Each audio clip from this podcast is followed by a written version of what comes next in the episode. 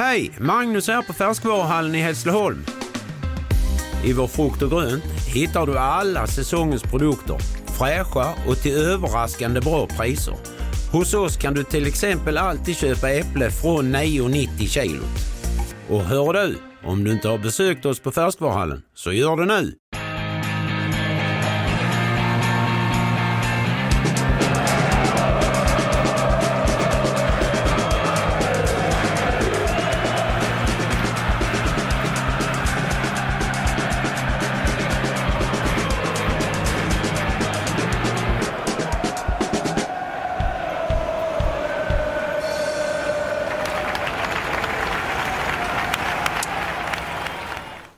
Välkomna till 08 Fotboll special. Idag så är det fokus på Djurgårdens IF och vi har givetvis Marcus Wilberg och Fabian Ahlstrand i studion.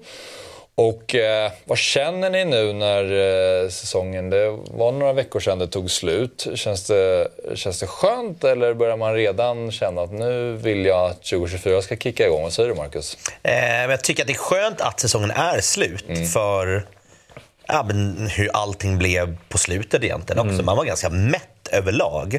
Eh, så på så sätt jävligt skönt där borta. Eh, och nu när det är väldigt kallt, snöigt och dant ute, det går inte att lira.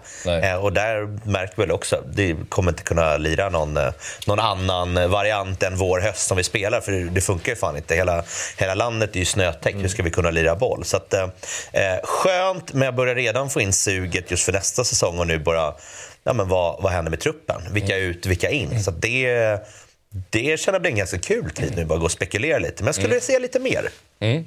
Och vi ska blicka tillbaka mycket också på 2023 och verkligen gå igenom året som har varit. För, för Djurgårdens del så har det varit det, det, har funnits perioder ändå där det har känts, eller där, där det upplevs att det har känts väldigt bra. Men det har aldrig varit den här, nu jävlar har vi häng på SM-guldet. Nej.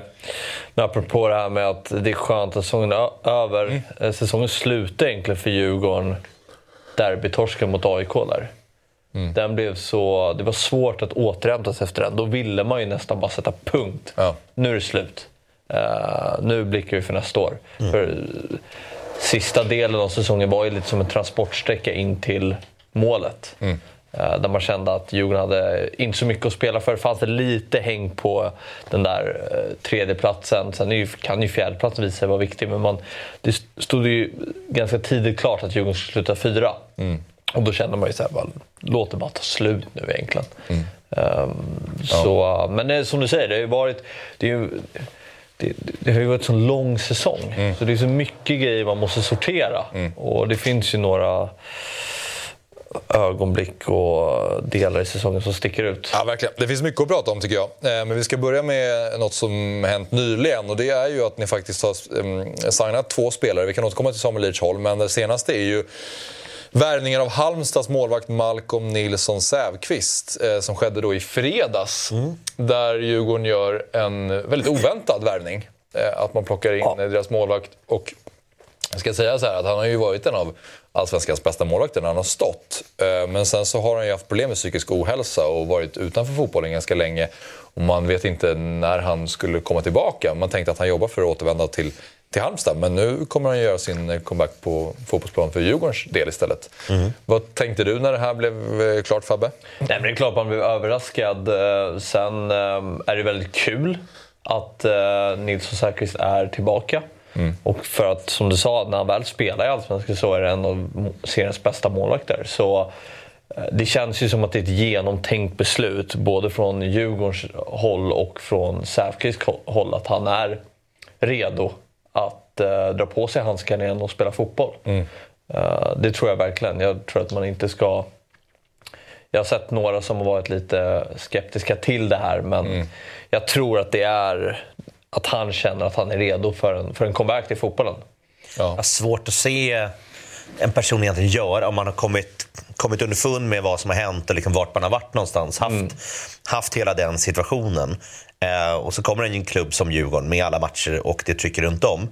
Att har man varit så öppen och pratat om det att jag tror inte man hoppar in i det eh, riktigt och utsätter sig för någonting som man känner att nej, men jag, jag är inte där längre.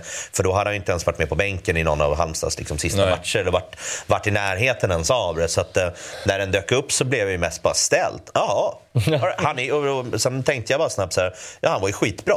Ja. och eh, ja, men, rutinerad, etablerad också. Så att det är mycket som följer med. För att Vajo försvinner, kontraktet liksom löpt ut. Då behöver vi få in lite rutin i laget också. Toppen. Eh, skulle Jakob försvinna det finns någon vi bara kan titta på direkt. Du ska lira. Ja. Sen kanske vi tar in en annan målvakt som ska konkurrera ut honom eller att vi ska ha någon bakom. Så det fyller många funktioner. Så det, bra val. Ja. Men det var inget jag förväntade mig, så det blev också en surprise. Inte den största smällen. Det hade kunnat varit något annat, men, men ändå så här, mm, all right. Smart val och kul val också. Eh, så det var ju bara att lyfta på hatten. All right, bra. Ja, man undrar ju bara lite kring, för han har ju varit utanför planen på eh, flera orsaker, men en del av det har ju pratat om så här, prestationsångest och man märker det på planen att han vill ju verkligen vara sitt allra bästa hela tiden. Och I Djurgården så tillkommer det såklart en mycket större press än vad det gör i Halmstad. Samtidigt kanske han känner att det blir en mindre press för han är borta från sitt eget hem och han har liksom inte de nära och kära på samma sätt som vi har pratat om, men som Hjalmar Ekdal har beskrivit. Att Man kan gömma sig lite mer i press på Hässleholm på Tele2. så sätt också. Kanske. Det är väldigt, eh, I och med att det är en stor stad så ja, du har inte alla grannar kanske och du går på samma förskola med barnen och liksom hela den biten också. Bara få en ny miljö också, bara testa något nytt. Mm. Komma bort från allting. Så det blir en nystart överlag. Ja. Ja, eh, spännande att se honom i en ny tröja i alla fall. Och som sagt, det är väl en ganska tydlig backup till Jakob, eh, får man säga. Ja, och sen när vi säger Jakob, hur länge kommer han spela i Djurgården? Eh, han lär ju få intressenter på sig. Eh, har ju- Han har ju lyckats vara borta någon gång då och då också under säsongen. Så att bevisligen har vi behövt en backup. Ja. Oavsett om vi vill det eller inte. Dumma skada mot Sirius liksom out. Ja, men då fick ju varje stå. Eh, till och med Piconell fick ju hoppa ner och stå en match. Just det. Så att, eh, och huvudskador. Så han har åkt på lite grejer då och då. Så att, eh, vi behöver ju någon som är bra.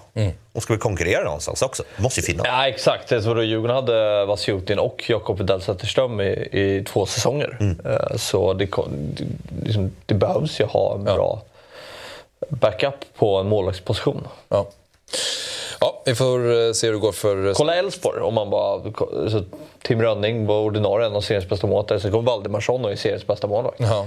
Alltså, Jo, absolut. Det är väl bara att det finns mer frågetecken kring Malcolm eftersom han inte har spelat någon Nej, nej, nej, men nej, nej. Alltså, det, Nej, på så men- sätt är det ju en, är det en eh, lite mer riskfylld värvning kanske om det skulle vara så att Malcolm kom, ansluter till Djurgården och så känner han att jag, jag mår inte tillräckligt bra för att spela just nu heller. Eh, Men om allting klaffar så som Bosse ser framför sig så är det klart att det är väldigt bra med fotbollsboll. precis. Definitivt.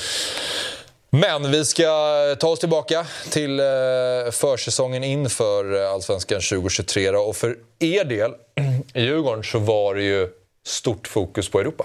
Eftersom ni eh, hade tagit er till åttondelsfinal i Conference League och skulle ställas mot Lech Poznan i mars. Så ni hade ju en roligare försäsong på så sätt och hela tiden veta att den där matchen ligger där. Ehm, men Ja, vi kan börja med att kolla på värvningarna då, inför eh, den säsongen och inför den matchen också. Hur man skulle stärka upp truppen. Och ut... Där har vi det. Eh, tänkte att den här or- ordningen kanske är bättre. Ut så försvann ju Hjalmar och eh, Emanuel Banda. Och sen så var det ju Vasiutin, Holmberg, Domboja, Mitko, Tagesson, Selic också. Men det är framförallt eh, Hjalmar såklart och sen delvis Banda som ändå gjorde bra. Eh, en del bra insatser förra säsongen också. Vad säger du Fabbe? Nej, men det kändes ju väldigt bra. Det kändes som att truppen var klar tidigt. Eh, så att det var ju mest frågetecken vilka man skulle ta in till liksom, Europa-truppen. Eh, för man fick väl bara regga tre nyförvärv till Exakt. Europaspelet. Eh, så, men det kändes ju bra. Hjalmar förstod man ju skulle lämna efter hans två senaste säsongerna i Djurgården 2021-2022.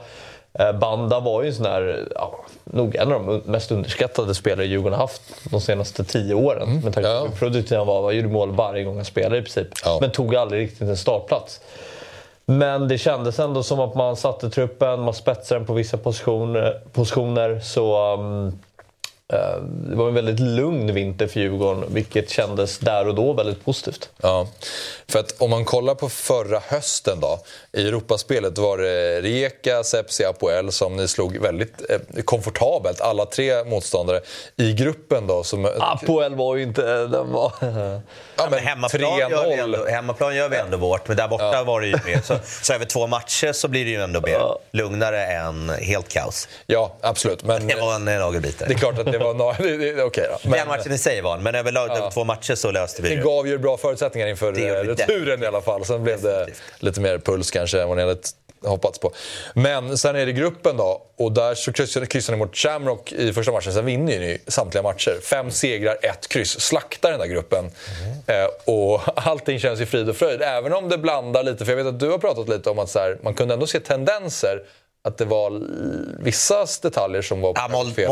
Molde borta var kanske ja. den värsta första halvlek man hade sett. Och då, ja. då hade man precis varit nere i Malmö och sett ungefär likadant. Att Malmö körde över oss i första. Ja. Eh, och hur vi kommer därifrån och löser det mot Malmö blev man ju helt ställd. Och sen när det står mot Molde så okej, okay, det där är ett bättre lag än vad Malmö är.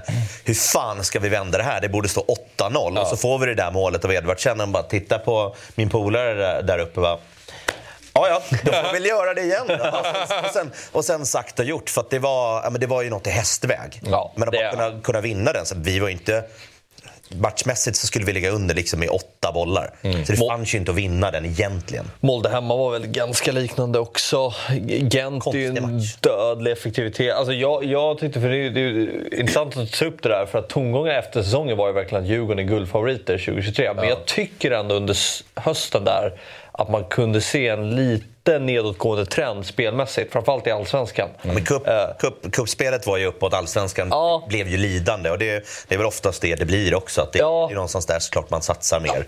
Det kommer ju bli det från spelarna. Ja, nej, precis. Men jag tycker ändå att det var några matcher man kände att Djurgården, det mm. är inte samma fart. Man går lite på och det är klart, dubbla matcher och sådär i veckan. Men just att man tog 16 av 18 poäng gör ju att det blir en bild av att allt är guld och gröna skogar. Men som man nämnde, Molde borta och hemma är ju matcher kanske man oh, skulle vara väldigt tacksam att man får sex poäng. Framförallt om man tar tre borta. Mm. Uh, sen Gent hemma är också här, man gör mål på allt. Alltså, och i cup blir det så avgörande, för det är, där är det verkligen bara poäng som räknas. Mm. Men jag kände ändå under hösten att det kanske inte är så bra som alla tror. Nej. Och även så media skrev att Djurgården är solklar guldfavorit samtidigt som Häcken hade bara plöjt allsvenskan under hösten. Spelade bland annat ut Djurgården på Tele2 i en... Liksom, en guldmatch? Ja, i, men, ja, men det nästan, var ju... Ja, men det var ju alltså, skulle, man... vi hänga, skulle vi hänga, hänga kapp så var det ju att vinna den matchen. Ja. Eh, och där, där var det ju klippt liksom, mm. efter den. Och, och, när vi hade, hade vilka spelare som försvann även om hälften av dem, mer än hälften av dem var liksom väldigt anonyma spelare mm. så försvinner det otroligt mycket rutin då i Ekdal och en trygghet att han är out. Ja.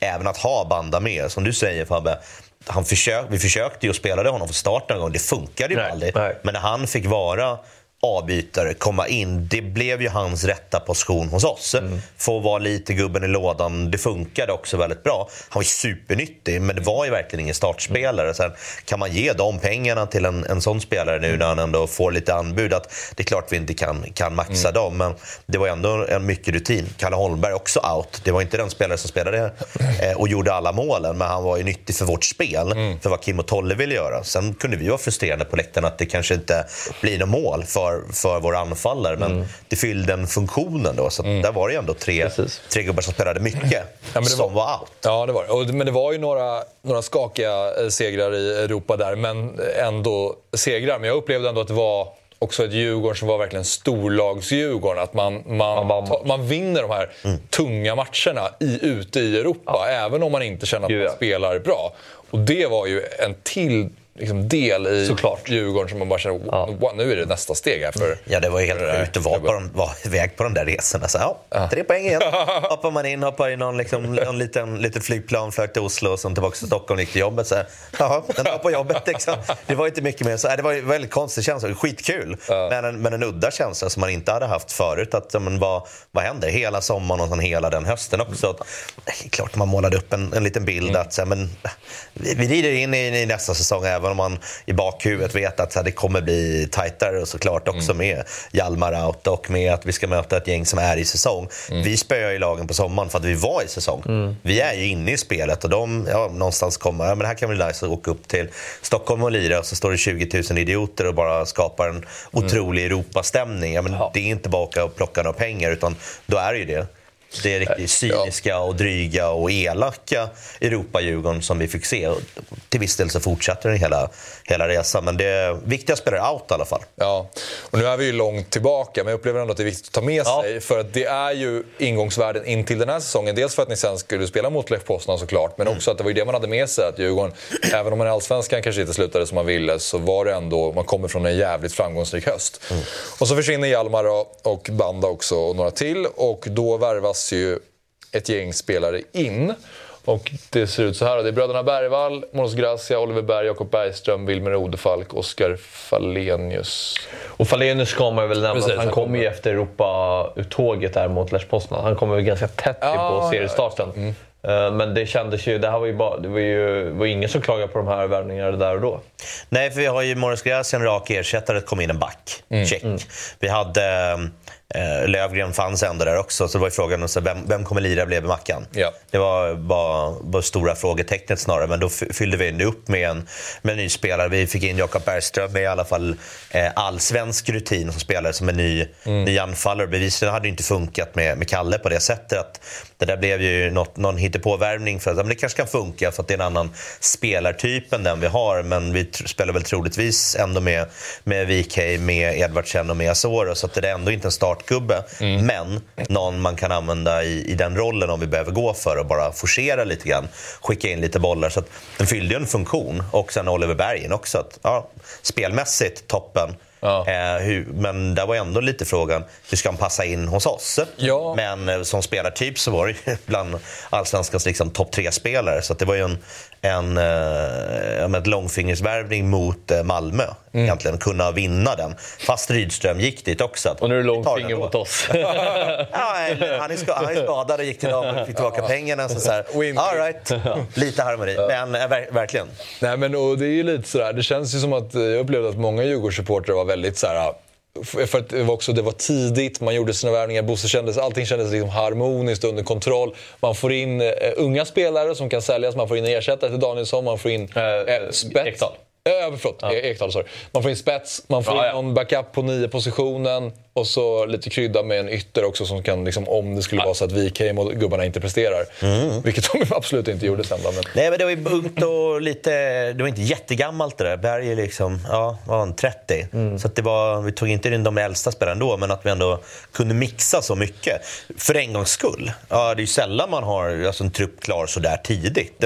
Jag har nog inte varit med om det i Djurgården. När skulle vi någonsin haft det tidigare? Nej, och framförallt inte efter ett sånt lyckat år som det blir med Europaspel. Och så här. Nu ska man kanske Hien försvann under sommaren, äh, där, under sensommaren. Men att, här, ett, ett, när ett lag i Sverige är så framgångsrika så brukar ju det få konsekvenser man tappar spelare. Eller ja, bra konsekvenser med tanke på att man får in pengar. Men, men eh, det var, på så sätt var det positivt att man fick behålla truppen, tänkte man då. Ja.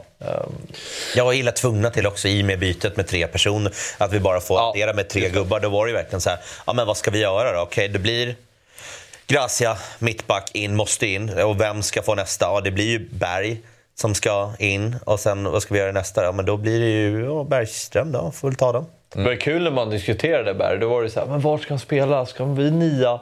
Ska han spela på en av mittfältspositionerna? Så landar man alltid i så här, ja men det är bara lyxproblem. Ja, det, är bara, det, vilken, det, det är inga problem alls. Det är klart, det där kommer lösa sig. Det visade sig vara ett ganska jobbigt problem. Även om det var lyxigt. Ja, Men det var ju verkligen så här. Alltså, är han rätt? Ska man bryta den där mittfältstrion som varit så bra? Det känns eh, risk, riskabelt att göra det. Ja, men han kan ju spela nio också. Han Vi kan... ser vilka jävla ögon vi har som sitter. Ja, exakt. Ja, det kan vara vart någonstans. Nej, men verkligen. Ehm, Ja. Men eh, sen så började försäsongen och eh, då var det ju en liten eh, uppladdning för Allsvenskan men också givetvis mot Lech Poznan. Då. Och motståndarna som ni mötte inför Lech Poznan var då BP 1-1, AFC vann med 5-1, Las Palmas 3-1. Och inte Las Palmas A-lag. Nej, det var ju nämnas. något C-gäng. Sirius vann med 1-0. Torskade mot Värnamo med 1-4. Mm, Landskrona i cupen då 6-1. Örebro 2-1. BP 2-1. Eh, så det är mycket segrar, men det är också mycket eh, dåliga lag. Ja, men Ja, jag, ja. jag, jag hade lite invändningar mot det. Jag tycker att eh, där och då att det var märkligt att Djurgården inte ändå ma- försökte matcha sig mot bättre motstånd. Vi hade den där kuppen som AIK drog på till exempel, när man mötte FCK Brönnby till exempel. Porto. Det är ju sådana lag Djurgården ska möta för att bli så förberedda som möjligt inför en, en match mot ett så bra motstånd som ändå Lech Poznan är. Ja, hade det Eh, bara varit för kuppen rimliga motstånd att möta. De spelade kanske liknande, Ja. vi mötte BP som vi ändå skulle möta en gång till. Och det var ju samma typ av lag i stort sett. Det hade bara varit för kuppen Mm. hade man inte haft någonting att, att anmärka på det egentligen. Men behöver vi lite mer tempo, vad fan ska vi möta sådana där Ja. Mm. skitgäng för egentligen? Och det fattar man ju inte. Året innan så mötte vi Djurgården-Rosenborg tror jag. Alltså Djurgården mötte bättre lag förra året än man gjorde inför förra året. Jag tycker ändå när man har så mycket tid att förbereda sig när man möter ett lag som dessutom är i säsong. Då tycker jag att man borde matchas mot bättre motstånd under försäsongen. Ja. Det är väl det. Så nu, har vi, nu får vi ju fått lära oss det. För allt, Ja. var, ju nytt. allt var ju nytt inför hela det Europaspelet i stort sett. Så, hur, så här långt har vi aldrig kommit. Vad ska vi göra? Så det blev den stora läropengen. Att det där var ju för, det var för dåliga matcher att spela. Vi, vi nådde inte upp till någonting. Och Las Palmas-matchen, det kunde man inte räkna att det skulle bli någonting annat än att det skulle bli ett sånt BC juniorlag, vad det nu var för någonting. För att vi är där, folk spelar mitt säsong, det är en, en liga som är lite, en, en bra bit över oss också. Att vi kommer inte få möta något, något riktigt gäng, utan det är bara, bara spela, solvärme, Nej men alltså verkligen. Det är Las Palmas som liksom verkligen ställer upp med ett, ett dåligt lag och sen är det ju superettan slash allsvenska bottenlag typ som ni möter. Ja. Ni, ni är liksom inte ett enda topplag ens i Nej, allsvenskan. nej. Nej, exakt. Och det är exakt bara den grejen. Man kan möta bättre lag i Allsvenskan. Och det kändes ju redan, tycker jag, efter första mötet nere i, i Polen att vi har inte en sportmössa här. Alltså det kändes nästan... Ja, men det gjorde det. Även fast man ville bygga upp de här förväntningarna inför returen. Det var ett 0-2 underläge. Klart det kunde gå, men det kändes ändå inte riktigt som att vi var där. Eh, Nej, nej verkligen. Nej, men det, man märkte på spelarna att vi, vi var några hack under dem där då. Så här, hade, vi, hade vi varit i form, jag vet inte vad vi hade matchat dem eh, på ett annat sätt. Men det, det var ett stabilt lag. De, Ja, ja. de har ju varit där ute och spelat länge så de kan ju det där. Och vi har ju spelare som går dit så bevisen är ju Ja.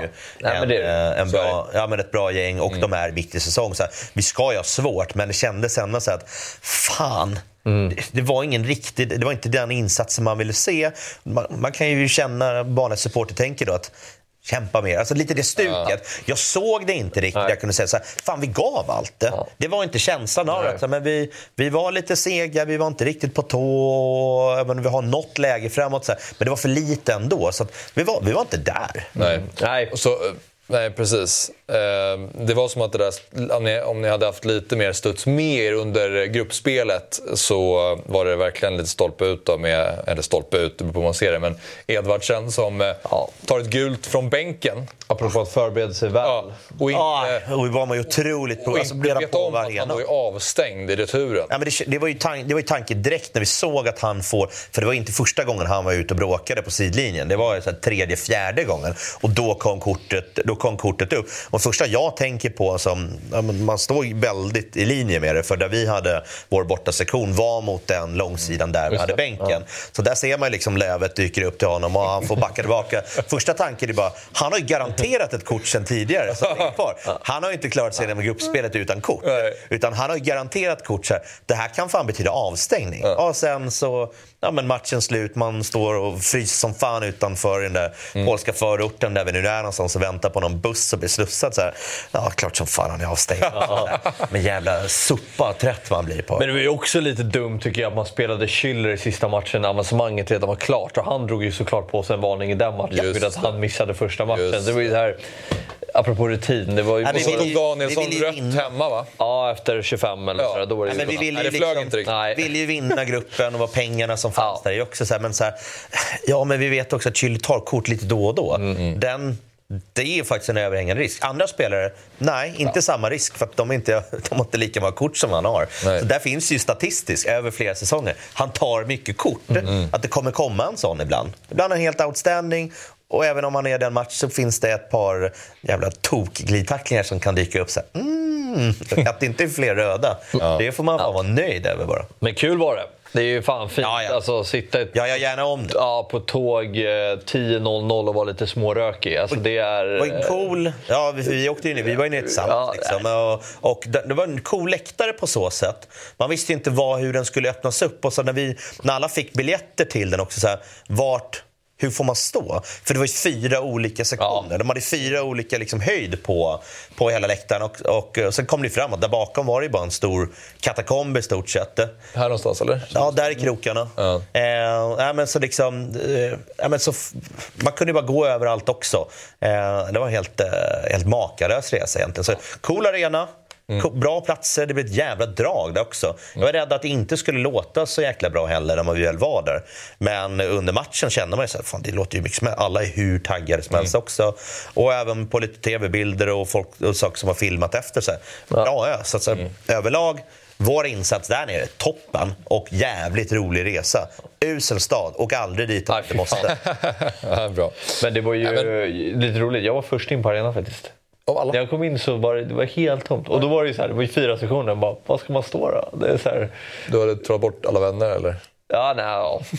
På någon vänster så var jag först in.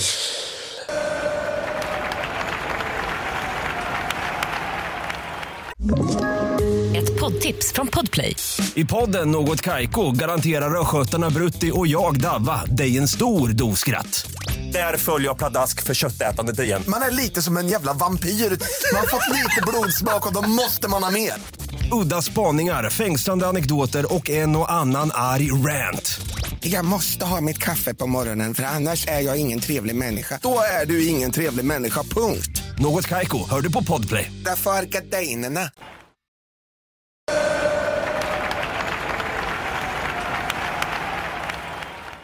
Ja, men eh, vi ska gå in på allsvenskan då. Och eh, då ska det sägas att så här, man får med sig det här, man, alltså att man ryker och man, mellan Poznan-matcherna så möter ni Malmö där ni lyckas ta er vidare i alla Ja, fall. cup. Eh, I kuppen kvartsfinal och sen är det Häcken borta där ni blir överkörda i, i semin.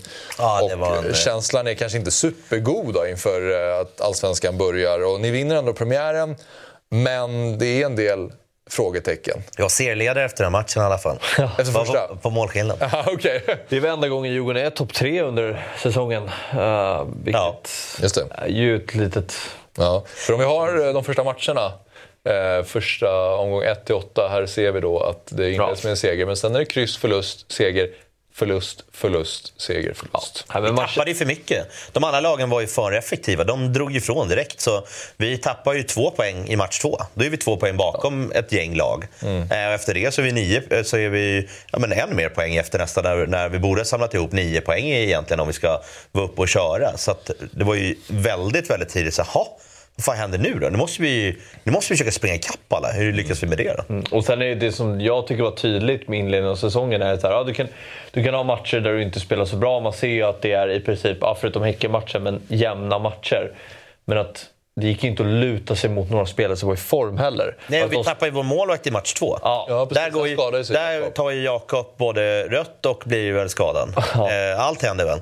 Så att, åt, eh, men jag- liksom, vad ska vi göra? Ja, men jag tänker så här, Wikheim, ja, det, han har ju inte kommit igång. Nej. Han kom inte igång efter 28 omgångar heller. Men Mm.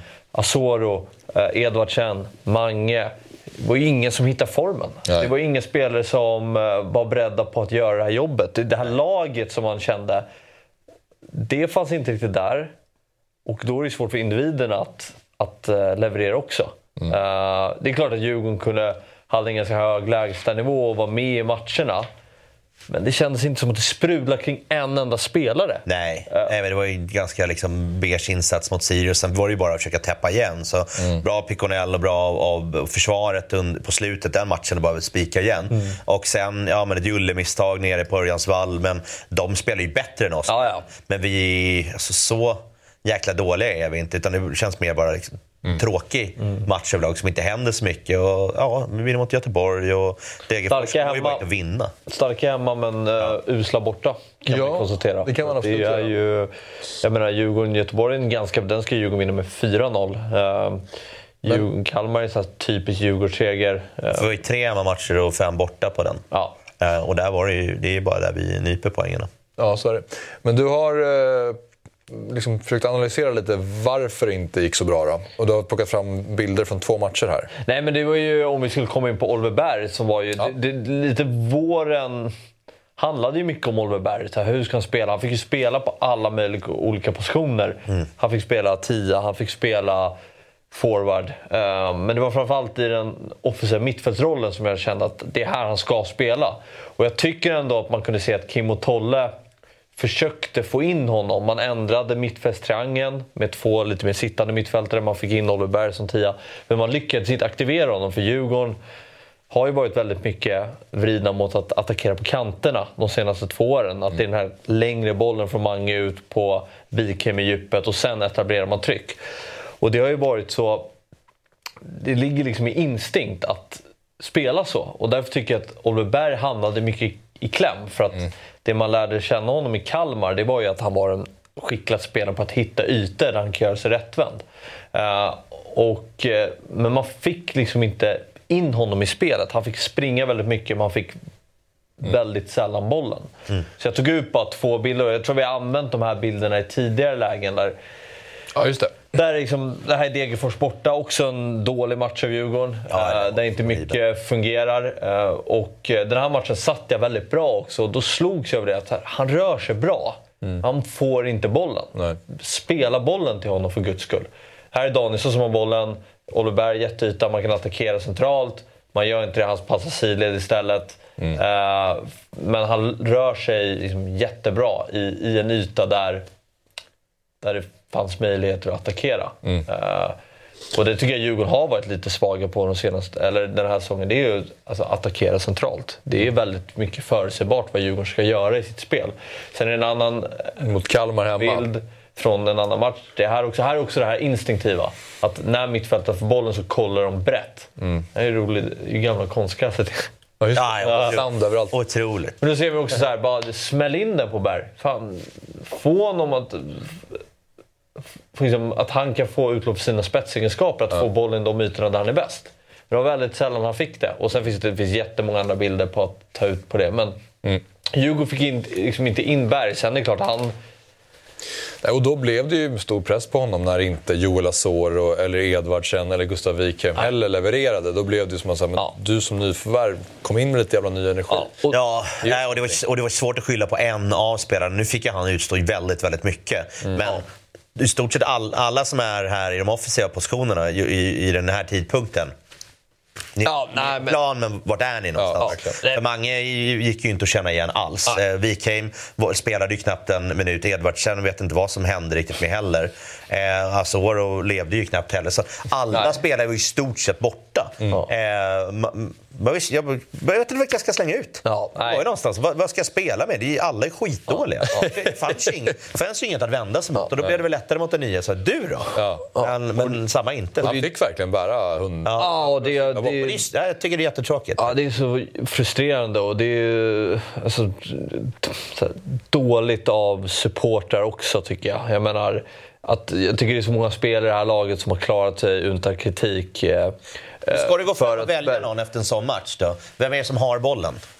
Den lagkapten. Ja. Nej, men jag, Där måste man börja någonstans kanske också. Liksom. Nu får du ta det här, du får börja lösa också. Gör inte det, det ja, men då kan man kolla lite bredare. Man måste ju börja någonstans i ledningen. Då är det på Bosse, det är på tränarna. Det är också på en lagkapten och de här drivande spelarna. Här kommer in en före detta lagkapten med ett annat lag. Mm. Eh, men vi har andra rutinerade spelare som har varit här också. Så de måste vi ju kunna knipa åt lite hårdare än att gå på första bästa för det känns som att han verkar lite timid. Mm. Nyförvärv, honom kan vi nog trycka åt. Men nej, nej, nej. nej. Alltså, vi ska på de som har Ja, precis. Och de måste ju få bära det. Så, man ska göra nyförvärv, det kan ta lite tid innan, innan man kommer in i det. Dels liksom socialt och i ett lag. Eh, och då, då tycker jag att man ska bli skyddad av de tongivande spelarna. Soares första tid så ville vi alla liksom hålla i honom. Så här, vi vet var han kommer ifrån och nu får vi liksom täppa, täppa igen lite där, så att eh, får vi se vad det tar för tid. För han hann ju både komma helt iskall komma in i kanonform och gå tillbaka och bli helt jävla iskall och vi skickar ändå, lyckas ändå sälja honom för några kronor och bara tacka alla för det, att det kom in en affär. Men han hann ju med allting under den tiden, men måste vi ge spelarna men lite det- tid också? Men det är ju laget som var så viktigt 2022. Det är laget pratar alla om. Och sen när det kommer lite konkurrens in året efter, ja, men då är det så synd. Det är jobbigt med konkurrens. Jag får inte spela tillräckligt mycket. Och det, det är någonting som jag kan störa mig på från verkligen. säsongen. Att det, det känns som att Varför kommer in en, en, en bra spelare på en av positionerna som konkurrerar med flera spelare sagt man använder bara på flera olika positioner? Då var det plötsligt lite jobbigt. Ja. Då var inte det här laget lika viktigt längre. I, Nej, verkligen. Djurgården. Nej, men eh, sen så var det derbyt då mot Bayern 3-4. Det var en jäkla match det där. Och- Men efter det, Ja. då så eh, vände ni lite på skutan och då hade vi mellan omgång 9 och 15 inga förluster. Eh, vad är det? Fem segrar och två kryss. Man kan ju klart konstatera att Djurgården var väldigt bra hemma och väldigt svaga borta. För här blev det ju väldigt många fler hemmamatcher. Ja. Eh, och, eh, jag tycker dock att, för det har man ju hört, att det var en liten rannsakning efter derbyförlusten. Bara vad vill vi med den här säsongen? Och jag tycker man kunde se det faktiskt i den här Mjällby-matchen. Man började springa mer igen. Eh, man, man tvekade mindre, körde mer. Och det bäddade ju för den här resultatraden. Jag vill minnas också att Haris var tillbaka i startelvan mot Mjällby. Fick, fick, Djurgården fick lite energi igen som man kunde ta med sig till nästkommande matcher. Och här började Djurgården se bra ut. Och det var ju lite liknande 2022 också, att starten var ganska knackig. Då var visserligen spelet lite bättre. Men här börjar man ändå känna att Djurgården... Jag började vakna inför det som skulle komma på sommaren. Ja. Eh, så vi skulle ändå iväg och, och spela eh, Europamatch också. Eh, den här matchen nere i, i, i Borås, en rolig supporterresa överlag. För att det var, ja, men det var lite, lite satsning på den också. Lite, lite grupper som skulle fira, eh, fira att de har funnits länge. Så det blev en, en, en kul resa mot ett jävligt bra motstånd också. Vi åker ner och gör en stabil match och plockar med oss pinnen. Ja. För där är det ju aldrig säkert att vi Nej. tar ens ett kryss. Elfsborg har varit så fruktansvärt bra de senaste åren. Jag har sett nå- några gånger vi tar poäng, jag till med sett seger där nere. Men överlag så åker man ner och så här, vi får jobba för det här krysset för att de är så jäkla bra hemma och framförallt mot oss. Som det är ändå väldigt sällan vi förlorar där och Jag kan inte komma... känns som att, det känns som att man torskar Ja, mer men säkert. det är ju... Men, eh, nej, men man har sett några, några kryss och man har sett några, någon enstaka vinst. Men, men överlag så är det så här, vi kan ju aldrig åka ner och känna oss lika säkra Nej. som på många andra ställen. För att vart Elfsborg än ligger i, eh, i tabellen så, så har vi svårt mot dem. Och den poängen där, då kände jag det här är en stark pinne att bara plocka med. Åka dit, ta en pinne, åka hem. Förhoppningsvis då bara slå Norrköping. Men, men även där stannade av lite. Synd. Men sen, ja, vi tar segrarna. Ja, och det är en derbyseger mot AIK och försätter AIK i en eh, ruskigt djup kris i och med den segern också. Eh, och sen så slår ni Malmö också där. Ja. Så det finns ju ändå några stora matcher som ni eh, tar tre Nej. poäng i också. Eh, Verkligen. Gud, ja. Mm, Och, men sen så är det ju, vi ser det den 17 juli, det är eh, sommarfönstret som är eh, öppet då och här plockas det in Rami Kaib, Samuel Dahl, Musa Gurbanli, eh, Felix Va, eh, Nour Milleskog och eh, Jakob Unne Larsson som är tillbaka från lån. Eh, och här försvinner ju också Elias Andersson, Oliver Berg, Viktor Edvardsen, Jakob Bergström, Jola Sår, Wilmer Odefalk och Jesper Lövgren. Ehm, Namnstarkt ut. verkligen, det reagerar man ju på. Eh, otroligt namnsvagt in, eh, till en början med i alla fall. Men bara titta ut där med vår bästa spelare den säsongen, Elias Andersson, som är putsväck. Eh, blir av med Oliver Berg som ja, någonstans lättar väl upp hela, hela truppsituationen. Men det är ju en otroligt kompetent spelare som är ute. Edvardsen hade inte utfä- utfärdat jättemycket. Eh, Nej. Men det är ändå någon sorts rutin namn, som ändå ja. försvann. Och, och att vi både skeppar Bergström och, eh, och Ode Falk, vilket är misslyckande från oss. Ja. Asoro och Fatamama på väg bort. Så att han och Edvardsen var med ändå med någonstans på det. Samma med Elias också. Att, ja, men, de kommer ju troligtvis försvinna. Vi hade säkert försökt sälja dem i vinter om vi inte hade haft eh, den där tre spelare in-spärren mot, eh, mot Poznan. Eh, och bara fadäsa med Lövgren. Den Men var Lövgren lån, va? Ja. Ja. Ja, den var ju bara, men den var ju bara... Med de andra fattar man alltid, alltid sker snarare. Tyvärr var det passade inte Berg, men, Men det är är out. kvitto någonstans på att det här eh, fönstret under vinter som man kände var så bra plötsligt väl, blev väldigt, väldigt dåligt när Oliver Berg skickas, Jakob Bergström skickas, Odefall skickas och, eh, Ja, verkligen.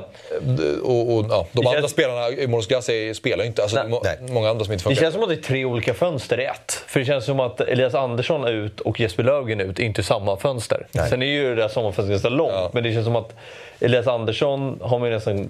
Ja, han försvann ju på dagen Ja, och efter- Lövgren försvann ju liksom sista dagen. Mm. Det var Jonas Eh, Dahlqvist som inte gör sista matchen. Ja. Ja. Ja. Eh, Men eh, det man kan säga här är ju att, menar, att, att Edvardsen och Soro försvann var ju ganska bra.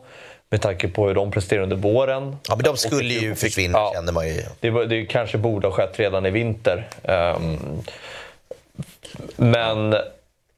Och Bergström var ju... Det blev ju bara märkligt Det, allting. flög, ja, men det flög Nej. inte. Med han, Wilmer och Berg så flög det inte på olika sätt. Eh, Bergström visste vi inte vad vi skulle använda honom riktigt till. Att, och, och spelade han så slog vi ju inga inlägg. Så det var ju ingen idé att ha honom på plan. Och så, om vi inte ska slå bollarna på honom, varför har vi då honom inne? Då måste vi nyttja det. Så vi spelar ju inte därefter. Wilmer, ja, men han fick ju stå åt sidan för att de tyckte andra var, var bättre bevisligen. Och han kände att ja, men då sticker jag gärna. Och Berg passar bara inte in. Eh, Gabe, rak ersättare till eh, Elias Andersson. Kändes väl intressant när han kom. Jag hade knappt märkt att han hade spelat allsvenskan tidigare i stort sett. Kände väl att ja, men det här kan vara bra. Här kanske vi har någon vi kan starta upp. Eh, men den första matchen undrade man ju vad det var för spelare. Har vi Vart fått han- rätt där Micke? Ja, men så vart, Holland? vart han befann sig någonstans också. Och direkt var det ju bara att hitta en ny spelare in också i, i Samuel Dahl och där kände man ju sig hemma direkt. Så det var ju någon som verkligen kom in och bara tog plats. Mm. Men i övrigt så, så fanns det ju frågetecken egentligen på alla de där spelarna. Inklusive Jakob Une Larsson. Ja. Ja, och det, Svag, svag debut och svag i hela höst också. Ja. Det är fortfarande ett frågetecken på honom. Ja. det är också... Nu, Djurgården har ju värvat de här spelarna får man ge förtroende. Det här är ju lite av vinterfönsterspelare. Alltså man plockar in nu som eh, Absolut. får med från start nu och eh, får se vad de kan prestera. Samuel vet vi, det har vi, den Ja, har vi sett. Så att han gick in och gjorde det man hoppas att en nyförvärv ska göra, men som de sällan gör. Det är sällan du får den, Nej. den, eh, liksom, det resultatet på stört. Och nu är han och Rami på samma sida eh, och spelar på samma position. Så vad som händer där, om Rami ska vara kvar eller om, om han vill slåss om det. Men, men Samuel är ju killen att slå.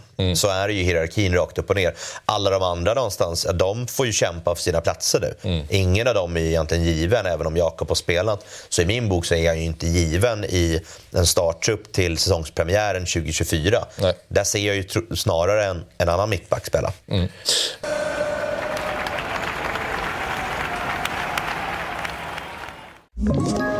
Ett poddtips från Podplay.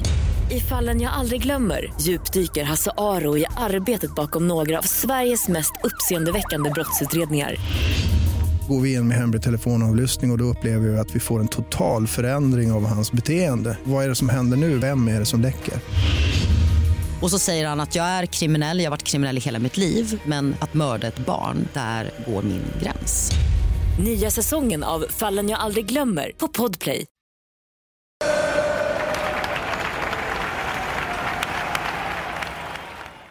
Vi, ska röra oss framåt här i, Ja. på tidslinjen. Och, ehm, det var väl efter alla de här segrarna, efter den här bra perioden, så kändes det fan vi kanske ändå har lite hugg på toppen. Och sen så kommer en sämre period igen. Torsken mot Elfsborg 0-4. Och eh, vi har eh, förlusten mot Blåvitt borta. Eh, även Jag ska också nämna uh, kuppspelet Europa, där det är uttåg.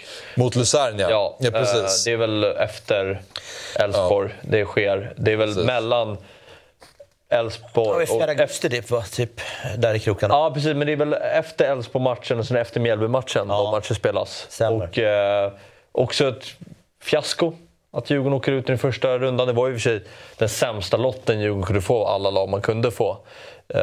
Men... eh, Vilket in en Djurgården-Häcken Ja, 4 maj. 4 maj, den förvirrade mig också. ja. men den är ju... Den Ja, men det, var mycket, det var mycket som hände där och då. Det var, ja, men det var Elfsborgsmatchen, det var Luzern-matchen och så här, ah, man var inte riktigt med. Nej. Nej, och Göteborg är ju också Oliver Bergs sista match där. Så det hände väldigt mycket under den här perioden. Ja, Alltså man precis. spelade i alla fall. Han var med i, nere i Malmö i alla fall. Och här Ja, på bänken och sen plötsligt igen en Malmö-spelare. Precis. Ehm, och sen så är det denna matchen borta mot AIK. Där Djurgården gör en eh, riktig platt match. Ja. Men det var ju några matcher där eh, när Oliver Berg stack. För vi ska komma ihåg att Magnus Eriksson var ganska mycket petad under sommaren. Men så fick han ju tillbaka sin plats efter att Oliver Berg hade lämnat för Malmö. Och då tänkte man att det- Djurgården får lite ny energi. De var mot Degerfors och eh, Norrköping borta. Man känner att Djurgården är på gång. Lite grann. Eh, Så kom ju Värnamo dit och lärde Djurgården en läxa hur man ska spela fotboll. Och sen, eh, men man kände, ah, okej, suger. Vi är ganska långt ifrån toppen, men nu gäller det bara att göra det värre för AIK. Ja. Eh, ladda om, ladda upp. Och så svarar man med den sämsta insatsen jag har sett ett Djurgårdslag göra. Det är klart, eh, inte sämsta, men sett i dignitet och så här så är det ju, det, det är ju faktiskt det värsta man sett. I en insats. Rakt av. 90 minuter, kollaps. Ja. Uh, Nej, det fanns ingenting att ta med nej, för det. nej, alltså, alltså fotboll är Och där sa du att säsongen dog. Det gjorde den ju. Eh, För då var man ju så frustrerad över Det var hur... svårt att hämta, hämta tillbaka den. Visst, det var matcher att spela och saker att göra, men, men i stora hela så är det så här, ja men vi vet att topp tre är kört. Det var ju redan kört eh, dessför, dessförinnan, så den var ju borta. Det vi skulle göra var ju att ja, men spela två derbyn till. Gå och vinna den här matchen, sätta dem otroligt mycket mer i skiten, få göra det på bortaplan. Där vi hade segern sen, sen i våras redan som, fann, som fanns med. Vi skulle ju bara gå in och, och göra processen kort i stort sett. 1-0 eller 100-0 eller 5-1 eller 4-5. Vad resultatet blev. Vi skulle ju bara gå in och vinna den matchen. Det var ju bara det som fanns egentligen. Men jag kände ju inte igen en spelare. Nej. Den matchen fanns ju inte en enda på plan. Nej. Jag tyckte att, man sa innan att det var spelare som inte riktigt har gjort någonting i början av säsongen med att vi hade några spelare där alla var ganska dåliga framåt. Den här matchen så var ju egentligen alla kassa. Samuel kanske var duktig, men fan bryr sig. Och det spelar ingen roll en, en sån match om, om någon är lite, lite skaplig. För ja, men det var en kollektiv kollaps. Det var inte ens med från minut ett. Nej, jag, jag var Och så tidigt och det där bortdömda målet också. Ja, ja. Det borde ju stått ett... Det borde just ju- det. Modestos varit- mål där. Ja, men det borde ju varit mål mycket tidigare också i, i målprotokollet. Det fick man ju bara gå och vänta på det. Men Ja, exakt. De var inte det där. var plåstret direkt bara. Ja, precis. Jag var ju beredd att gå i paus och då står det 0-0. Det var ju så, det var ju, det var, för den här matchen gick ju helt i linje med hur den var. Att så här, man gick och väntade på ett AIK-mål. AIK-mål kom, okej, man går och väntar på tvåan. Två, tvåan kom, ja, då hade det redan gått för då var jag så förbannad. Men det, det var ändå så här... Det, det, och den satte ju sina spår. Den låg ju som en... Alltså, tagg. Eller inte en tagg, det låg som en kniv genom hela säsongsavslutningen. För att det var ju svårt att hämta sig från det. Även inför derby mot Hammarby. Det var ju så här, ja, Det blev 0-0. Ja, den brydde man sig inte mycket om. Det var ju den här som var den stora matchen med så mycket som var. Någonstans vända säsongen och bara få lite, lite, lite gunst i den också. Ta två derbysegrar på, eh, på samma säsong där mot Gnaget. Gör det på bortaplan också. Eh, första gången de med publik. Även om vi har vunnit där borta förut. Alla ni som kikar där ute så har vi spöat er på Friends tidigare. har vi det sagt. Men, men det skulle liksom göras. Och med AIKs läge, det var så mycket saker. Vi går lite halvdant, vi kan inte komma topp tre, AIK går piss. Ja, men det blir våran seger. Det där blir våran pokal. Att hjälpa till liksom trycka Ja. ner. Men att vi inte ens är i närheten Nej. för tre etage Djurgården. Liksom. Det var ja, men, fruktansvärt. Men, då, ehm, då måste man stå upp som ledare, men det gör de inte riktigt. Nej, men eh, ni eh, slutar då på en fjärde plats med 50 inspelade poäng. Ni avslutar säsongen med två raka förluster. Eh, mot eh, Sirius hemma då, och Kalmar borta. Så att känslan eh, efter den här säsongen eh, var väl inte jättekul kan jag tänka. Nej, det har ju sina ljusglimtar, men Djurgården slutar där jag tycker de eh, förtjänar att sluta. Um, 10 förluster är ju alldeles för mycket. Eh, 41 mål är alldeles för lite. 36 mål insläppta är väl okej. Djurgården tycker jag ändå har fortsatt en bra defensiv. Det är några matcher som sticker ut om man förlorar med. Man släpper in fyra mot Elfsborg, man släpper in fyra mot Häcken. Ehm, men i övrigt så tycker jag att Djurgården är fortsatt ganska solida. Och Ja, det är Häck- Häckenmatchen är liksom fyra mål som vi, som vi släpper den bara. Eh, och det ska vi kanske inte torska mot Nej. dem än vanligt. Visst att vi, kan, att vi borde ha, förlorat hemma mot dem. Men så att släppa in fyra, den, där var vi knappt på, var vi knappt på plats där. Så Nej. vi är femte, femte bäst i ligan när det kommer till att inte släppa in mål. Där till och med Mjällby är nere på 34 där. Jag försökte räkna in att ja, men vi ligger på en fjärde plats. Vi släppte in fjärde, fjärde minst mål. Men faktiskt så är det ju två lag som har eh, 34 där. Eh, nej, men 10 matcher. Häcken har nio förluster, men de har ju tre matcher mer. Det är klart de har mycket mer poäng. Så vi gav ju oss inte chansen alls. Och det är svagt med 41 bara. Fler ska vi göra. Men om man ska prata lite framtid då. Eh, vi kan börja med att prata spelmässigt. För återigen, vi ska kolla på lite bilder som du har tagit fram Fabbe. Eh, där det handlar lite om, om spelet. Och om man inleder med lite statistik, saker som Djurgården ändå har eh, gjort bra. Man har slagit flest inlägg i Allsvenskan. eh, Den här Det som, märkte man inte med Bergström på plan. Så man ju ett inlägg. fan har vi lirat på? då, det var då, då de inte slog inlägg. Nej, Det var Nej, precis. Men alla gånger han inte var där, då har de slagit förlängning. 604 stycken, Häcken två på 602. Släpper till näst minst antal skott mot sig. MFF bäst där. Eh, kommer in i sista tredjedelen näst flest gånger. Eh, etta i Häcken. Och ehm, sen så ska man ju säga dock, precis som vi såg här, att man kommer in i sista tredjedelen, man slår mycket inlägg. Men om man kollar på målskörden. Häcken gjorde alltså 69 mål i år. DIF gjorde 41 mål. Det är en jävla skillnad. Och Djurgårdens bästa målskytt gjorde fyra och är självmål och Marcus Danielsson. Så då undrar man ju liksom om problemet är att det inte finns spelaren där som ska göra det eller om det är att bollen kommer in i fel läge eller om det är Ja. spelproblem. Ja. Eh, och det är väl lite det vi kan prata om, tänker jag. Ja, men, eh, Eller vad tänker du? ju, men det om man bara säger, Djurgården fortfarande så här, släpper till ganska lite avslut. Det är ganska Mm. bra på att vara med i matcherna fortfarande. Har en ganska hög lägstanivå. Det är några matcher som sticker ut. Ja, men Häcken, Elfsborg-matchen till exempel. Eh, är inte någon, jo, vi släpper in fyra mot Sirius också va? Eh, Ja, näst sista ja. Men att Djurgården fortfarande är ett liksom, lag i matcherna som är svåra att göra mål på och ganska kompakta och solida. Mm. Men jag tycker ändå att det finns stora förbättringsområden inom anfallsspelet. Jag tycker man har sett ett liknande Djurgården spela fotboll de två senaste säsongerna. Bara i fjol var det lite mer formtoppade spelare och lite mer fart. I år går det lite långsammare och man, har inte, man, är, man är mer beroende av individerna tycker jag. Men individerna har inte varit tillräckligt bra. Och då, tror, då är det nog en, då är det en läxa för Kim att hålla att man måste nog utveckla spelet. Eh, för jag tycker att det finns ändå intressanta delar att ta med sig. Du nämnde Häcken, med att de slår också en del inlägg och kommer till tredjedelen eh, flera gånger, Djurgården tvåa.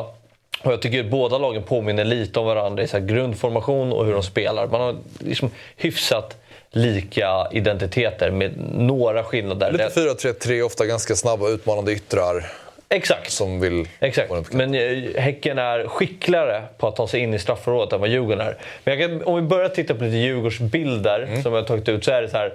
nå- Något som är väldigt tydligt med Djurgården är att det är väldigt, ofta väldigt långa avstånd mellan spelarna. De har inte så nära relation utan vi har två yttrar. Eh, Den andra yttern ser vi till bild i Falenius. Den spelaren som är där det är Lukas Bergvall. Som är en av innermittfältarna. Sen har vi Sabic och Magnus Eriksson. Det här är bilder från Sirius-matchen. Som slutar 4-2 till Sirius i den eh, näst sista omgången va? Ja. Och det här är någonting Djurgården har. Man, har. man är breda med sina yttrar, man roterar ganska mycket centralt på mittfältet. Eh, ibland kan jag tycka att det, det blir lite för mycket springa och när man spelar bollen till varandra, man vänder ju mycket sida, går mycket fram och tillbaka. Det blir väldigt många långa avstånd, dels när man spelar bollen och dels när man ska förflytta sig. Så det blir ofta att man kommer ut på kanterna, men därifrån har man svårt att ta sig in i straffområdet. Förutom när man slår ett inlägg. Det slutar ju ofta med ett inlägg. Och där är ju ganska bra att slå, komma ett inlägg och sen vinna andra bollar för att trycka ner motståndarna. Eh, tidigare har Djurgården varit väldigt skickliga på att droppa ner Magnus Eriksson, slå en längre boll tidigt på egen plan över djupet på Wikheim för att sen etablera tryck och sen få in bollar i box. Så man har varit tunga där. Men vi kan bara se fler bilder så vi kan rotera bara för att se, är det lite samma match? Vi ser det i ett mittfält som man kan säga långa. Och jag tycker att, Lite tajtare, men kanske är centralt här. absolut, men det är också Det är ytor som man lämnar efter sig som är väldigt viktiga i dagens fotboll. De här ytorna eh, centralt. Där jag tycker att Djurgården saknar spelare. Uh, anfallaren blir ofta isolerad i Djurgården. Ja. Sällan man kan sätta en boll upp anfallet och sen kan ha supportspelare kommer in i den ytan. Väldigt sällan. Mm. Dels så är det ett problem med att Djurgårdsmittfältarna är ganska sugna på att komma ner och vilja ha bollen på fötter i lite mer bekväma områden. Mm. Eller delar av planen. Eh, inte bara Schüller som är liksom ofta sexan, utan även Magnus Eriksson gillar att droppa ner. Lukas Bergvall gillar att droppa ner ganska mycket. Så anfallen blir ju ganska isolerad i själva spelet. Samtidigt som en ytter som ofta är bred, en annan ytter som är bred. Så jag tycker Djurgården tappar mycket manskap centralt i banan. Och där tror jag att man måste bli bättre. Man måste bli bättre om man ska bli ett, ett, eh, topplag igen. En klassiker i 4-4-2 när man ser tränarna stå, stå så här, eller så här. Att måste ligga nära varandra, ja. anfallarna. Och det, för, det, alltså det, det köp, köper man ju med ja. Gurbanli och alla. Det är många Djurgårdsnior som har haft problem med det tycker jag. Ja, det är väldigt lätt läst också. Ja. Om det står en ensam gubbe där och säger ja men ni måste spela ut på kanten, det finns inga andra här. Så då kan man ju slappna av lite någonstans och bara fokusera på ytten. Vad har vi borta gubben? Ja, men då tar jag lite mark och täcker honom. Ja. För att här framme behöver inte göra det. Du kan flytta ut en, en mittfältare som stänger av en yta eller flytta ner två här också åt det här hållet. Nej, precis. Och eh, en, det är också en, kanske en faktor varför yttrarna inte gör så mycket mål. För de är ofta i de här områdena. Det är väldigt liksom, ofarligt. Är... Vad händer med det klassiska gummibandet? Går någon ut på kanten, du får följa med. Liksom, ja, ja. Backlinjen, så flyttar ni så får ni flytta med varandra. Man kan ju inte vara för breda, breda här Nej. uppe också. Då, då, ska ju en högerback komma och överlappa i den positionen. Mm. För att ta den ytan. Finns en ytan, då kliver jag och tar den. Men den andra måste ju komma in lite överbelasta mm. in mot mitten. Precis, och det är lite för mycket fortfarande spelbredd. Att man är breda med yttrarna. Och så här. Man, man, man saknar spelare här. Och här är en situation där det har varit däremot Halmstad. Det har varit en spelvändning så bollen har gått via mittbackarna ut till Samuel Dahl, ut hit. Vi ser det ganska långt till mittfältarna. Mm. Så de får också flytta över och det tar ju tid. Samma sak som det tar för eh, motståndaren att flytta över så tar det tid för medspelarna att flytta över. Och vi ser här, här är man två mot två. Man lyckas liksom inte skapa numerära överlägen. Och det blir ofta att man blir fasta här ute. Mm. Som slutar ofta med ett inlägg. Och ja, du kan göra mål på inlägg, men statistiskt är det inte supervanligt att du gör mål på inlägg. Ja. Uh, och, uh, och om de ska mata inlägg, då kanske Gurban inte får vara helt ensam i boxen. Nu kommer säkert högerytten kliva med, men kanske också att Piotr skulle kliva med någon det, gång. Det har alltså för att överbelasta ännu. Djurgården har ju varit bra på att fylla boxen mm. tidigare år. Alltså med bortre ytterback. Eh, trots att den ena ytterbacken är, är, är långt upp så ja. finns det utrymme för den andra ytterbacken att trycka in. Findell, bra på att fylla boxen. Mm. Och jag ser inte jätteproblem att nian inte gör så mycket mål. Det Nej, det är ju med om, om vi har andra spelare. Så här, när vi har mot BP borta till exempel. Ja. Då gör vi ju två mål på inlägg. Exakt. Men då har vi också flyttat upp en mittfältare i Mange ja. som står och tickar med ytterbackarna. Det är de som får gå och göra det istället. Ja. Att vi, vi behöver inte ha att det är en, ytter, att det är en ytteranfallare som är där. Då kan de vara i boxen istället. Mm. Och vi fyller på med de spelarna som ska uppåt. Så där hade vi två väldigt lyckade. Ja. Men de hände ju knappt. Nej, precis. Men det här, är ju, det. det här mot BP är ju ett väldigt tydligt exempel. Alltså, det här är verkligen så långt ut man kan komma och sen där också. Ja, men det blir ju verkligen så. Ibland när man har chans att attackera centralt så blir det att ytten går brett och så blir det att man släpper ut på mm. ytten och så går det lite långsamt och så hinner försvararna samla sig. Att Djurgården måste, tror jag, bli bättre på att attackera de centrala ytorna 2024 än vad man har varit den här säsongen. Ja. Och du kan ha yttrarna brett, men då måste du följa med med mittfältarna och att de kan operera de här ytorna. Mm. Och inte att mittfältarna också vill ha boll på fötter. Så det blir väldigt, alltså Djurgården blir så himla långa. Mm. Och då blir det också svårt att... när man väl... är svårt att vara där, för det är, det är, fyra backar där bara, vi tre spelare. Och det är, det, är två, det är två som håller honom i mitten, så han kommer ju aldrig kunna bli fri ja, där. Ja. Om man bara räknar anfallen mot försvarsspelare rakt upp och ner. Där, så att, det ser svårt ut. Och Samtidigt så känns det ju som att Kim och Tolle ändå, så här, det är så här de spelar. Mm. Och, ja, ja. och Djurgården har vunnit SM-guld med det här spelsättet. Ja, ah, fast det ska, då spelar de lite annorlunda. Okay. Vad gjorde de då? Ja, men det var lite mer man... 4-2-3-1 och lite mer passningsorienterat. Nöten, fortfarande principerna var ganska lika. Mycket liksom, komma till sista tredje, mycket ja. inlägg, fylla boxen.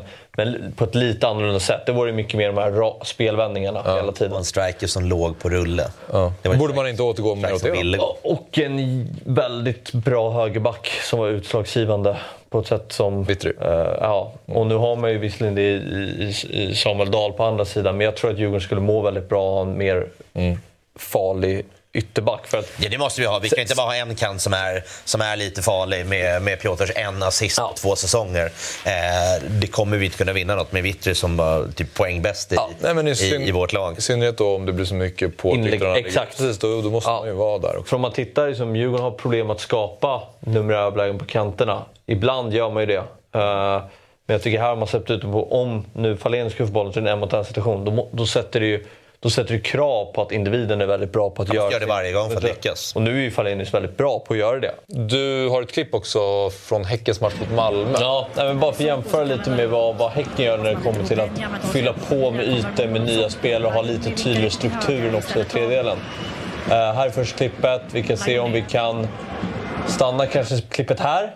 Mm. Ser vi att man har ytter där Lajoni nummer 24 den andra yttern, men att man, har, man trycker in spelare centralt. Sonko där som är vänsterytter. Sonko som är vänsterytter, Schluff en nia där i boxen. Om vi fortsätter så ser man att man fyller på som ytterback på bortre ytan. Här tycker jag Djurgården kan bli bättre och inte liksom vilja gå brett utan försöka hålla spelare mer centralt. Uh, nästa del är också, det här tycker jag är mer intressant och mer av det tycker jag Djurgården har förbättringsområden. Vi har, stanna! Vi ser att Dabo, som är en av tiorna, tar en löpning i djupled. Mm. Samtidigt som en ny mittfältare fyller på, på den ytan han lämnar efter sig. Som är Samuel Gustafsson. Mm. Och så fortsätter vi. Lajoni viker in. Kommer inte passning på första löp, men har en ny spelare kommer ner med och, och Häcken kommer in i en farlig yta och skapar en målchans. Så där tycker jag att Djurgården kan liksom ha förbättringspotential i, under året. Om vi tittar här till exempel. Precis, du ska få rita lite här. Ja, men jag tycker att det är bara, liksom, bara så man förstår om Djurgården spelar med en eh, nia, sen har man ju en bred ytter, man har haft en bred ytter där. Sen har man mittfältare som eh, roterar ganska mycket. Det kan vara lite mer... De här tre brukar ju rotera ganska mycket. Mm. Kanske Schüller ofta mer defensiv än de andra två. Eh, men att man, när man kommer ut här, till exempel om bollen är här och vi har en, förs en försvarslinje här. Att man behöver komma med löpningar bakom samtidigt som man kan fylla på här och liksom överbelasta mer. Mm. Så att man täcker den ytan som den andra spelaren lämnar efter sig. Så man är fler spelare runt bollen för att ha tydligare anfallsvägar framåt. För om vi tittar på förra bilderna på Djurgården så är det ju att man Komma lite närmare varandra. lite närmare varandra och att liksom ha andra anfallsvägar. För nu blir det väldigt förutsägbart vad Djurgården ska göra. Så jag tycker de här... Här tycker jag att Djurgården kan bli bättre i den här ytan. Och här är ganska farlig yta för motståndare. Och har man bollen här har man lättare att vinna tillbaka den. Och då är ju följdfrågan här eh, vem som ska spela där. Eh, för det är ju en mittfältsposition. Det var väl Oliver Berg lite grann tänkt att han skulle spela i den tia-rollen. Eh, och om man kollar på mittfältet då. Ni har ju värvat då Samuel Lidsholm, men han är ju lite mer sittande. Ska väl inte spela någon tia? Nej, men det kan han ju göra. Eh, Jag, jag tycker ju att det Djurgården måste få till är ju att den här mittfälts, alltså mittfältstrion som ska spela ska, måste få bättre relation till varandra. Det är mycket rotation, men det är, oft, det är sällan jag tycker man täcker upp för varandras ytor. Att man inte hittar det här samarbetet centralt. Och då menar jag inte, i samarbete menar jag inte att man måste passa till varandra bättre. Eh, utan mer kanske hitta relationer som jag visade, fylla varandras ytor som man lämnar efter sig. Löpning i djupled, någon täcker upp efter den andra. Eh, nu tycker jag att man, man, har varit, man har varit så framgångsrik i ett spelsätt. Med att liksom Mange som har ofta ja, men droppat ner och eh, liksom slått en längre boll i djupet här. Och sen här har man eh, behållit tryck och sen har man haft en Findell som är bra på att löpa i boxen. Den relationen har ju funnits samtidigt som Schüller har varit väldigt bra på att täcka upp bollar som dimper ner här och vinna andra bollar.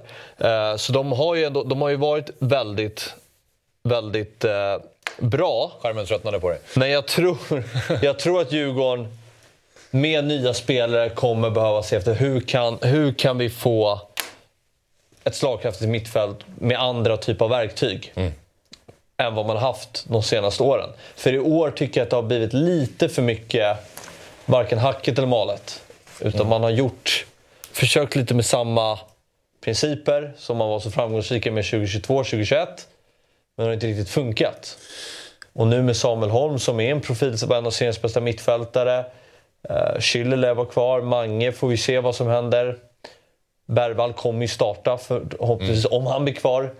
Men att jag tror man, det, det krävs någonting nytt. Okej.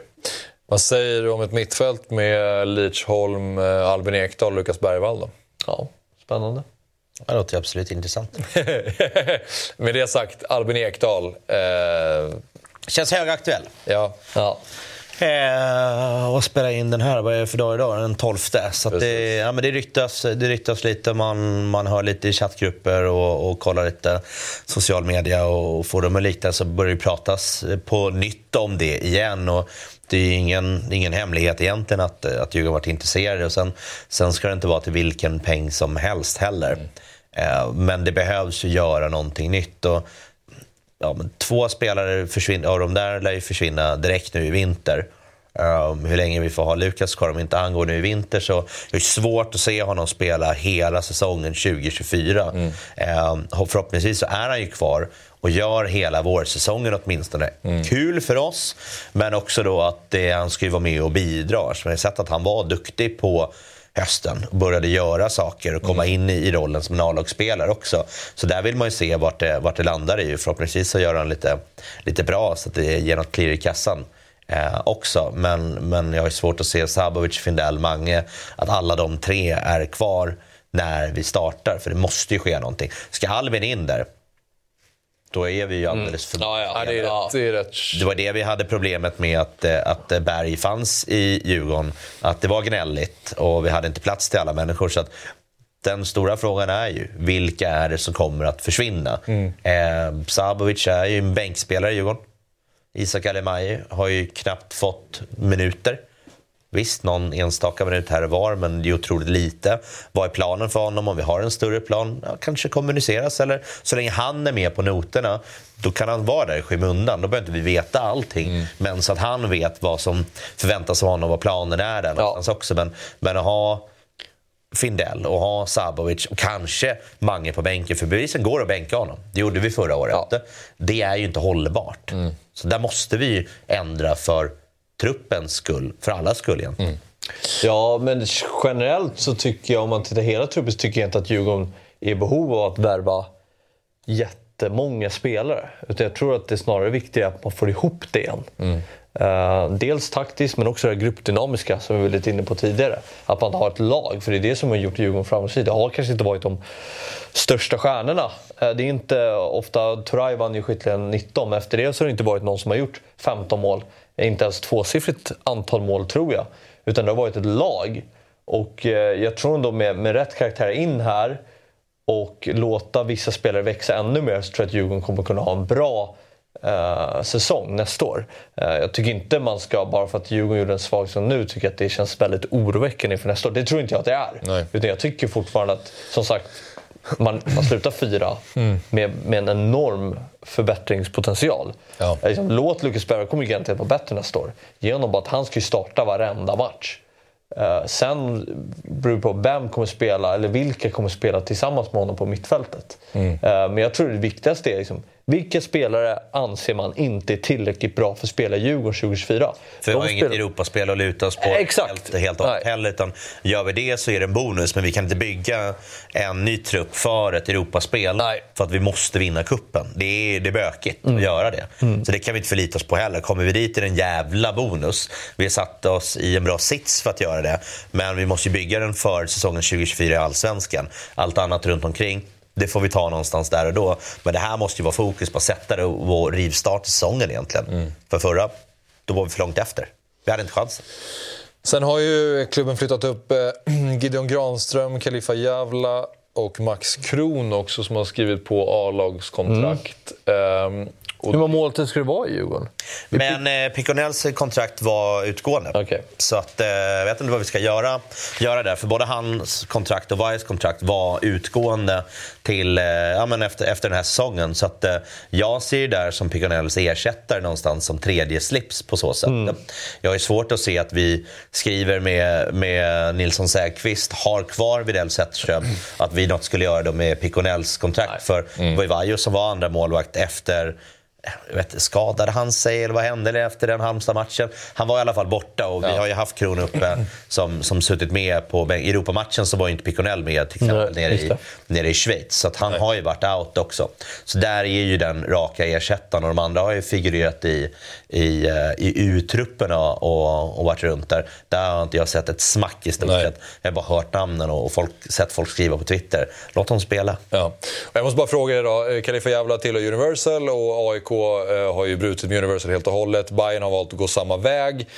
Och här är det ju en ungdomsspelare då som representeras av Universal och nu eh, Bosse väljer att skriva A-lagskontrakt. Eh, det är ju många i rivaliserande klubbar i alla fall som säger ah, varför, varför, varför väljer Bosse och Djurgården att göra det här när alla andra går åt det andra hållet så att säga. Och vissa Djurgårdssupportrar har väl varit kritiska till att man, att man väljer att göra så här. Vad känner ni? Nej, Bosse har varit extremt bra på att eh, hålla, eller inte tillåta agenter att få inflytande på klubben. Mm.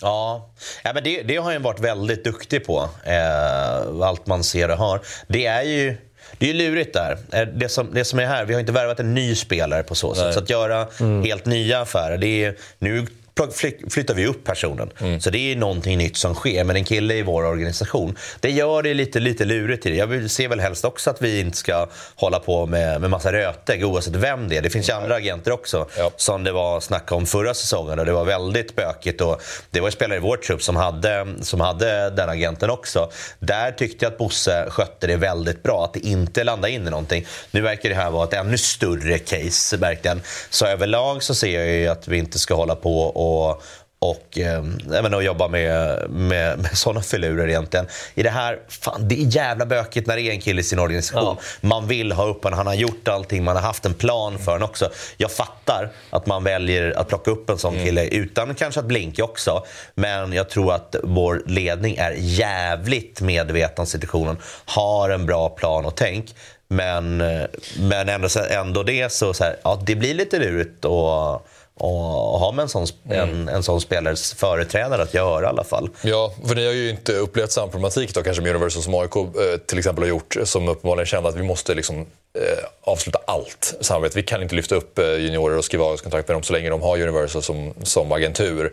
Djurgården sitter väl inte riktigt i samma sits, så att om man kan hålla det samarbetet på en annan nivå så kanske Bosse känner att det är värt det. Men det kommer ju med ett pris att det ser inte jättebra ut utifrån.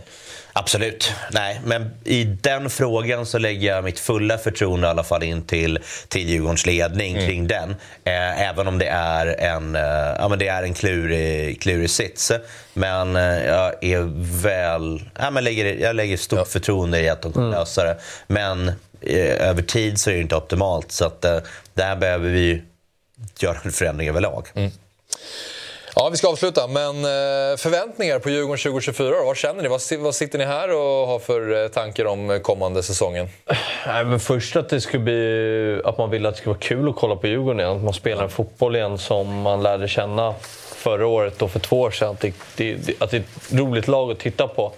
Som förhoppningsvis leder till att Djurgården vinner många matcher och en eh, bra slutplacering. Men det är inget så här, man har inga krav på att det ska bli SM-guld, men att Djurgården ska vara med och slåss om Europaplatser och mm. nå över 50 plus poäng igen, det tycker jag att det, det är ju krav hårt, men det, det är väl det jag tror. Ja, men det tycker jag vi kan ha som ja, krav. Ja. Så som vi har varit de här senaste säsongerna i alla fall och, och vad vi har för, för ambition och var vi är någonstans i, i hela näringskedjan nu i, i runt, runt, svensk fotboll. Så vi ska, vara, ja. vi ska vara runt Europaplatserna. Nu var vi alldeles för långt ifrån en Europaplats. Mm. Om vi står och faller på målsnöret så här, det kommer att vara jävligt surt där och då. Sen får man ju räkna in hur hela säsongen var. Nu kommer fyra, nöd och näppe till viss del också. Då hade vi varit lite sämre och de andra lagen varit bättre. Då hade de kommit förbi oss. Men, men vi ska ju vara ett topp tre-lag. Det är det jag kommer ja. utgå från. Jag, kommer, jag vet att vi inte kommer kunna vinna varje säsong. Eh, det finns några andra lag som borde göra det, men vi ska ju slåss om, om topp trean hela tiden. Det ska leva in till de sista matcherna i sådana fall, om vi inte grejar det. Och sen, som du är inne på Fabbe, man behöver nog få lite men lite ny luft i lungorna, för det blev pyspunk efter, ja. förra, efter, uh, ja, efter derbytorsken förra säsongen. Att hela hösten var, man var lite pliktskyldigt där. Det kändes som, jo men vi har matcher att spela om för att komma fyra. Absolut, men det betyder inte så jävla mycket i, uh, i, i det långa loppet. Så det finns ett par viktiga matcher man bara ska inte fucka upp i. Mm. måste man göra sitt. Mm. Och sen ska vi slåss om, om lite placeringar så det blir roligt ja. att gå på. Så definitivt, fler mål lockar fler människor, det är roligare att gå.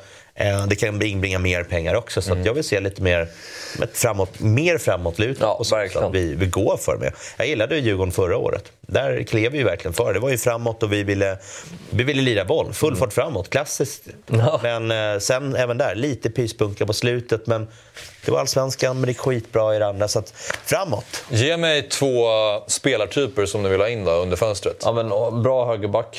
Som är skicklig. Piotrs tid är förbi. Ja, inte som backup, men en bättre spelare. Eh, och sen skulle jag vilja ha in en eh, jäkligt bra eh, ytter till. Jag är tveksam till att, eller tveksam, men jag har inte riktigt sett det i Felix Va. Nej. Och jag tycker att i Djurgårdsspel är man väldigt beroende av yttrarna. Och jag, jag, sett till vad Wikheim levererar i år så han är inte alls... Nej.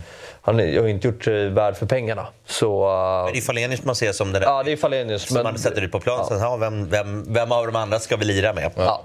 Eh, verkligen. Nej, men jag håller med om det. Om du säger ska jag lägga någon annan så är det att jag, jag ser en, en ny mittback. Ja, mittbacken Det kommer, Ja. Men du hade bara två val, så det, Ja. det blir ju två. Så jag får ta två andra. Men Ja, vi, behöver, vi, behöver in en, vi behöver in en mittback. För att eh, situationen med Löfgren, jag vet inte hur de kommer lappa ihop det. Jag har svårt att se att han är kvar i, i Djurgården till 2024. Och, och Une har ju varit inte alls bra, helt enkelt. Och om han kommer vakna till liv eller inte, jag sätter inga garantier på det. Men vi behöver in en, en mittback oavsett. För spelare kommer försvinna därifrån. Eh, fan, ja. Behövs det inte jag den här in- tian då? Som, alltså, som du pratar om den här ytan. Ja, ja, ja, absolut, absolut. Det finns där- många in i mitt fält där, men det finns Ja. inte någon som är så tydligt präglad. eh, Nej, nej. Jag ser, jag ser att Lukas kommer, Ja, Lukas och- kommer hänga, hänga runt den där. Så han är ju vass på huvudet bevisligen. Mm. Snart kommer han göra ett, ett mål med skallen också. Han har varit uppe många gånger och det är ju det är sällan du ser en mittfältare gå upp och gör, dominera på det sättet. Han Om man, om man har Albin och Samuel bakom sig eh, dessutom, ju lite- så skulle det Ja, ge dem ganska Ja, mycket så frihet. jag ser att han kommer vara där framme. Han har till och med spelat forward i Djurgården. Han har varit striker nere mot Kalmar och det gick, gick det som det gick. Är du i mål då? Ja, men det var när vi hade stoppat in en anfallare. Så då, då var han tillbaka på mittfältet. Så det var Fidel som gjorde målet, men det var Lukas som passade. Just det, just det. Finell gjorde målet. ja. Att jag det. slår dig på statistiken och den ser mål inte. Vilken jävla jävla grej. Nej, men någon måste göra målen. Så är det ju. Och det är väl det jag också måste bara fråga. Om Gurbanli är kall, skadar sig, eh, inte är där av någon anledning. Vem spelar nia då? Mm, bra fråga. Ja, jag ser ju ingen i befin... Jag tror att... Det är Milleskog. Ja, men jag, jag, jag antar att vi kommer ta in någon sorts anfallare. Ja. För det är, det är inte hållbart att ha någon av dem där. Lukas ska ju inte spela där och Farius ska inte vara den gubben. Milleskog är ju inte heller den gubben. Så det saknas ju en anfallare ändå, skulle jag säga. Så lite frågetecken finns det ändå. Ja, någon, någon, ni, någon sorts nia spelare behöver ju komma in. Annars får vi vrida om lite. För nu har vi ändå varit inne pressen. på mittback, högerback, eh, tia, ytter, anfallare. Ja, men det det är bara vänsterbacken, det är bara Samuel Ja, Dahl. men det är väl Ja, så Samuel Dahl safe. Ja, det är ju, det är ju, då då. blir det att man, man dömer en anfallare för att han inte gjorde en bra höst. Och det tycker jag är lite för enkelt och eh, snabba slutsatser. Mm. Får vi vänta och se det. Jag tycker inte heller han har sett bra ut. Men eh, Och man kan ju ha större förståelse för när, som de bil- bilderna som du har visat upp, att den blir ganska isolerad. Och om, om spelet klickar bättre till våren eller till nästa säsong, då kommer han förhoppningsvis kanske få fler chanser att sätta sig bättre. ja, men, Även om han har bränt mycket, Ja, ja, ska sägas också. Gurban har inte varit bra. Nej, Nej, men- problemet, största problemet har ju varit att han inte kommer till skott. Ja. Att det tar för lång tid innan Mm. han skjuter. Ja, men det kommer hända mycket Ja. eh, under den här vintern. Eh, Och det kommer att ha hänt väldigt mycket fram tills att Allsvenskan startar 2024. Så att, eh, ja, det kommer bli väldigt spännande att följa Djurgården under, det här, eh, under den här vintern. Vi är tillbaka nästa vecka igen och då blir det fokus på Hammarby.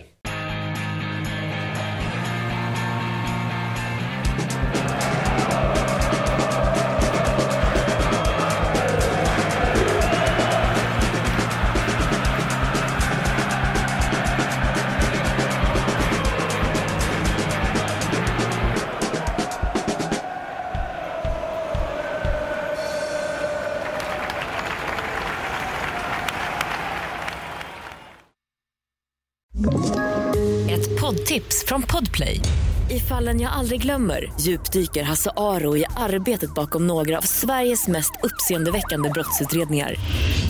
Går vi in med hemlig telefonavlyssning och, och då upplever vi att vi får en total förändring av hans beteende. Vad är det som händer nu? Vem är det som läcker? Och så säger han att jag är kriminell, jag har varit kriminell i hela mitt liv men att mörda ett barn, där går min gräns. Nya säsongen av Fallen jag aldrig glömmer på Podplay.